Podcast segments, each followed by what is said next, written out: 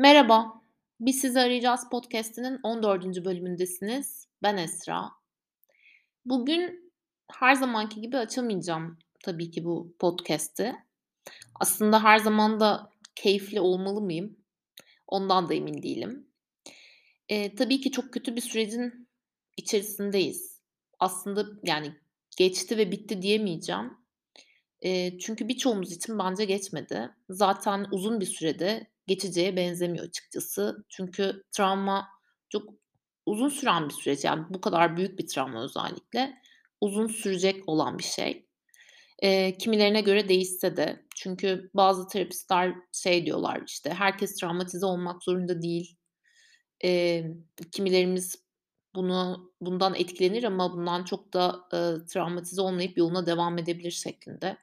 Bu en azından benim bu ortamda, bu psikolojide çok da kabul edebileceğim bir şey değil. Bence kolektif olarak çok büyük bir şey yaşadık. Tabii ki genellemek belki çok doğru değil ama, eee, herkesin bir şekilde etkilendiğini düşünüyorum. Kimileri bunu pandemiyle karşılaştırdı mesela.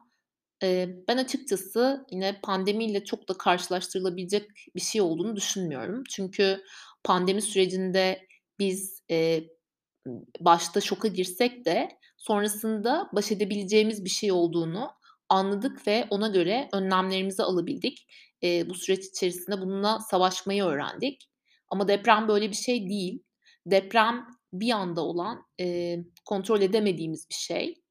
Eee, ve bu bu ülke şartlarında daha da, eee, tamamen kontrol edemediğimiz bir şey haline geldi aslına bakarsanız.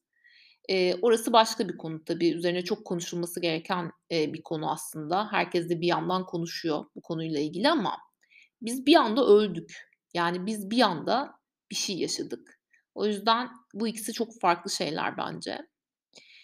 Emm, buraya nereden geldim? Bu herkes travma yaşadı mı konusundan geldim aslında. Herkes evet, travma yaşamamış olabilir. Herkes farklı seviyelerde bu süreci atlatmış olabilir. Eee, herkes aynı seviyede bu süreci atlatmak zorunda olmayabilir. Eee, ama birbirine saygı duymak zorunda bence insanlar. Şimdi iş dünyasında da aslında, eee, bu konu özelinde biz bir şeyler yaşadık. O yüzden böyle bir giriş yaptım. Emm, neler yaşadık? Önce birazcık onu özetleyeyim aslına bakarsanız. Öncelikle özellikle, işte, eee, bizim sonuçta gördüğümüz, duyduğumuz, ııı, şeyler genelde sosyal medya üzerinden oldu bu süreçte. LinkedIn'den ya da diğer sosyal medya mecralarından, eee, kimler neler yaptı, işte, hangi yardımları gerçekleştirdi, eee, ne kadar duyarlı davrandı bu sürece gibi bazı şeyleri gözlemleme fırsatı bulduk aslında. Eee, yine bu şeyin, sürecin başında özellikle ilk 2-3 günde falan, eee, şirketlerin, işte, geçmiş olsun taziyelerini, eee, gördük, duyduk. Eee, fakat şeyi görmedik, yani, özellikle bu kadar büyü büyük bir kriz anında, eee, sektör, iş dünyası, paranın, gücün merkezi olan alan bu konuya bir anda eee, müdahale edemedi. Yani, biz aslında kriz anında sektörün buna hazırlıklı olmadığını gördük. Tıpkı ülkenin hazırlıklı olmadığını gördüğümüz gibi. Bu açıkçası üzücüydü. Emm, evet, bir toparlanma süreci olabilir belki ama sonuçta şunu da düşünmek lazım. Şirketlerin de kaybı var. Yani biraz materyalist bakıyor materyalist bakıyor olabilirim bu konuya ama sonuçta kendi iş gücü kayıpları da var. Birçok insan öldü birçok şirkette. Emm, ve kendi insanlarını toparlamak, kendi kriz sürecini yönetmek bir şirketin aslında en başlıca, eee, konularından biri olsa gerek. Ki pandemi sürecinde de buna, eee, açıkçası antrenmanlıydık diyebilirim. Ve sesler yükselmeye başlan başlandı. Ne oldu? İşte, eee, geçmiş olsun mesajlarını yayınlıyorsunuz ama evet, ne yaptınız? Hangi aksiyonları aldınız? İşte, eee, ne kadar kişi nereye yardım etti şeklinde. Bunu söyleyince akabinde hemen paylaşımlar gelmeye başlandı. Eee, ve işte şu kadar tır yardım yaptık, eee, şu kadar para yardımı yaptık, eee, bir şeyler yapmaya çalıştık deyip markalar arka arkaya kendilerini göstermeye başladılar ve herkes bir şekilde alkışladı vs. Eee, okay, bu zaten olması gereken bir şeydi. Ben buna açıkçası karşı değilim. Bazıları şey dedi, işte, reklam yapıyorlar vs. Zaten bunun yapılması gerekiyordu. Bunun yapılmaması zaten bence çok abesle iştigal bir durum. Çünkü çemberi büyütmek çok önemli. Yani siz, işte, "Bakın ben şu yardımı yaptım, şunu yaptım, hadi gel sen de bana katıl." demelisiniz ki zaten o çemberi büyütebilmelisiniz. Tam tersine şeyi söylemem lazım. Bu çembere dâhil olmayan liderler, yöneticiler, markalar, hiç fark etmeksizin. Esas sıkıntı orada zaten. Neden katılmadınız mesela? Neden etki yaratabileceğiniz hâlde, eee, bu sürece, eee, etkin bir şekilde dâhil olmadınız? Büyük sadece büyük markalardan bahsetmiyorum bu arada. Sektörde kendini göstermiş, ispatlamış, marka kimliği olan, eee, birçok şirketten bahsediyorum.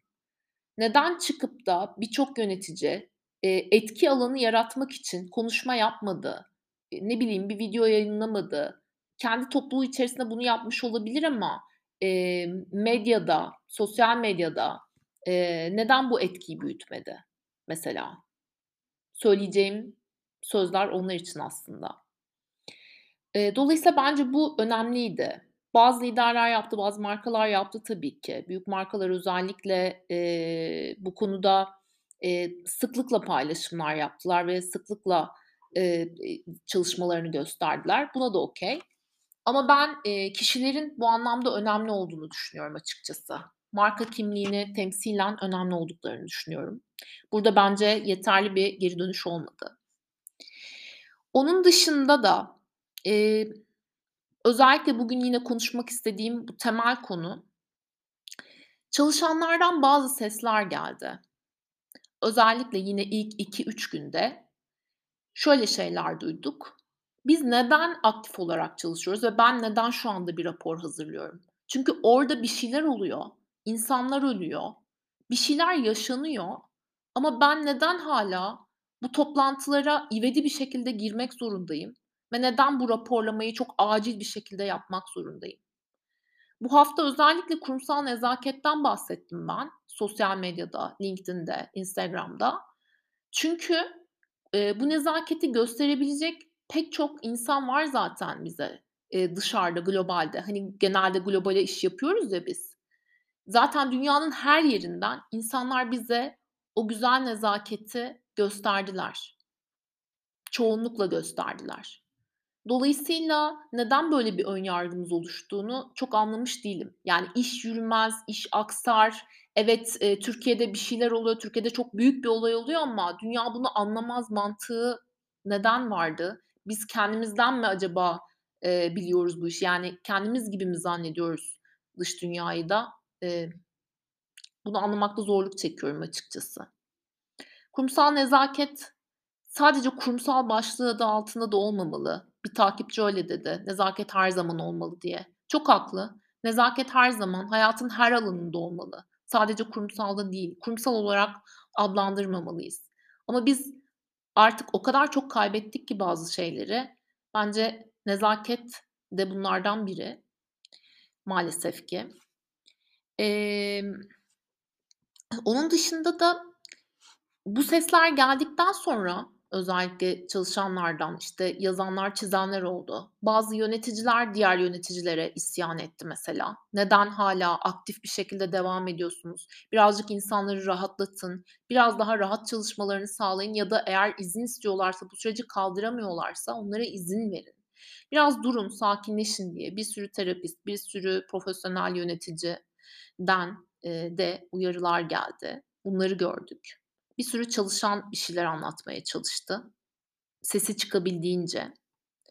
Eee, ve ben de bu süreçte, eee, birkaç hafta sonra yani, eee, LinkedIn ve Instagram'da bazı istatistik, bazı anketler yaptım kendimce, küçük çapta da olsa ve, eee, bu süreçte size şirketiniz nezaketli mi davrandı, nasıl davrandı diye bir soru sorduğumda, emm, evet diyenler de oldu ama çoğunluk aslında mış gibi yaptı ya da hayır şeklinde cevap vermiş oldu bu istatistiklerde.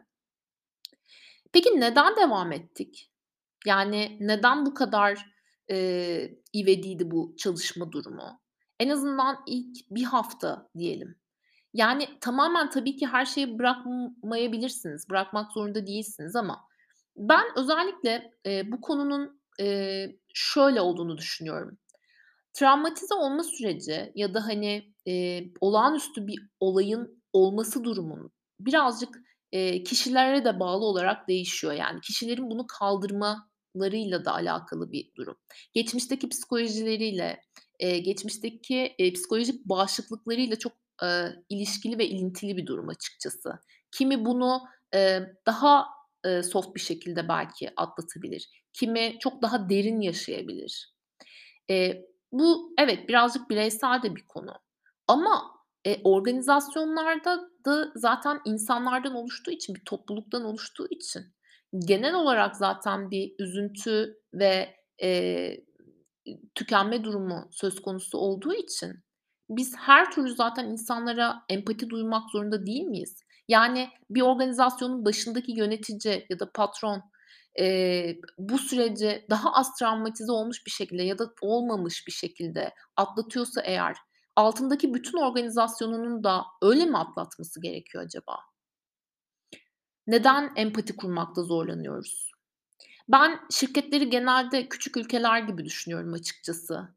Eee, ülkenin her kesiminden insanların bu küçük küçük organizasyonlara yerleştiğini düşünüyorum ve bu küçük ülkelerin kocaman bir ülke oluşturduğunu düşünüyorum. Çünkü beyaz yaka çok ciddi bir çoğunluk ülkede. Dolayısıyla da bu çoğunluğun sesini duymak çok çok önemli. Eee, ve üzgünüm ama yani eğer, hani, bunun şeyini düşünüyorsanız, tersini düşünüyorsanız da Eee, empati kurmak zorundasınız. Yani zorundasınız diyorum çünkü insan olmanın, eee, gerekliliği birçok noktada. Kurmadığınız yerler de olabilir ama bu tarz organizasyonel yapılarda özellikle empati kurmak zorundasınız. İnsanları eğer bir arada tutabilmek istiyorsanız zorundasınız. Burada birazcık bu yöneticilerin bakış açısına da aslında, dönüş yapmak lazım.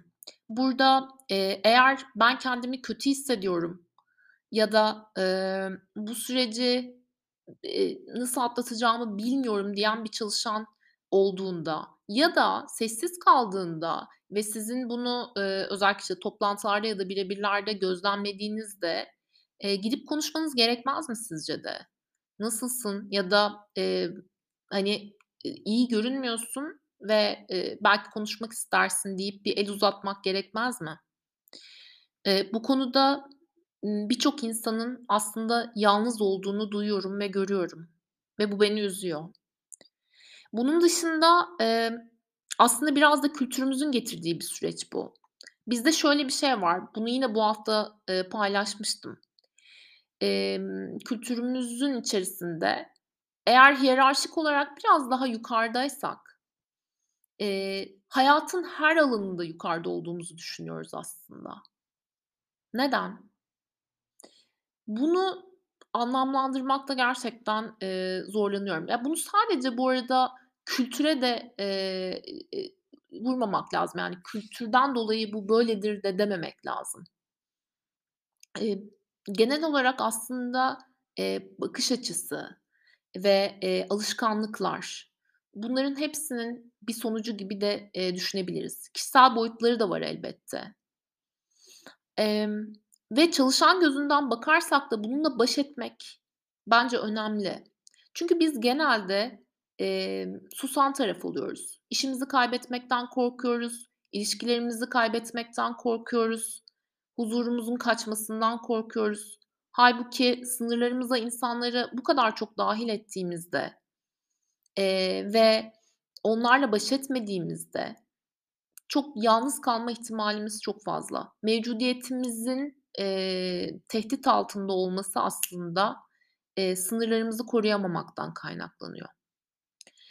Ve eğer ki, hani, "Yok, hayır, bana dokunmayan yılan bin yaşasın." gibi bir mantıkla ilerlersek inanın bir gün o içerisinde bulunduğunuz o bubble'ı bir gün birileri gerçekten patlatıyor ve siz ne olduğunu anlamıyorsunuz bile. O yüzden özellikle bu çalışma sürecinde fiziksel ve mental sağlığınız kadar önemli başka bir şey yok ve, emm, bir gün dediğim gibi eğer ki duruşunuzu sergilemezseniz ve, eee, sorgulamazsanız bazı durumları inanın, eee, siz de bu durumdan zarar göreceksiniz. Bu sebeple de, eee, aslında rahatsız olduğunuz herhangi bir konuda, sadece kriz olmak zorunda değil bu arada, yani deprem süreci olmak zorunda değil. Normal bir zamanda da, eee, duygularınızla gitmek, duygularınızla kendinizi ifade etmek inanın çok işe yarayan bir durum. Çünkü bize genelde şöyle bir şey, eee, yapıldı bugüne kadar, eee, özellikle gençlere. Dendi ki, eee, duygularını ifade edersen sen güçsüz olursun.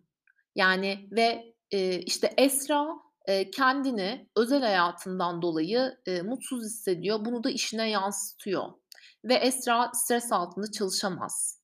Bu tarz kriz anlarında Esra çok içine dönüyor, eee, ve, eee, onun bazı, eee, stres durumlarını kaldırabileceğini düşünmüyorum gibi yaftalamalarla aslında sizin kırılganlığınızın, eee, sizin güçsüz ve zayıf tarafınız olduğunu, eee, size bir şekilde dile getirdiler bugüne kadar.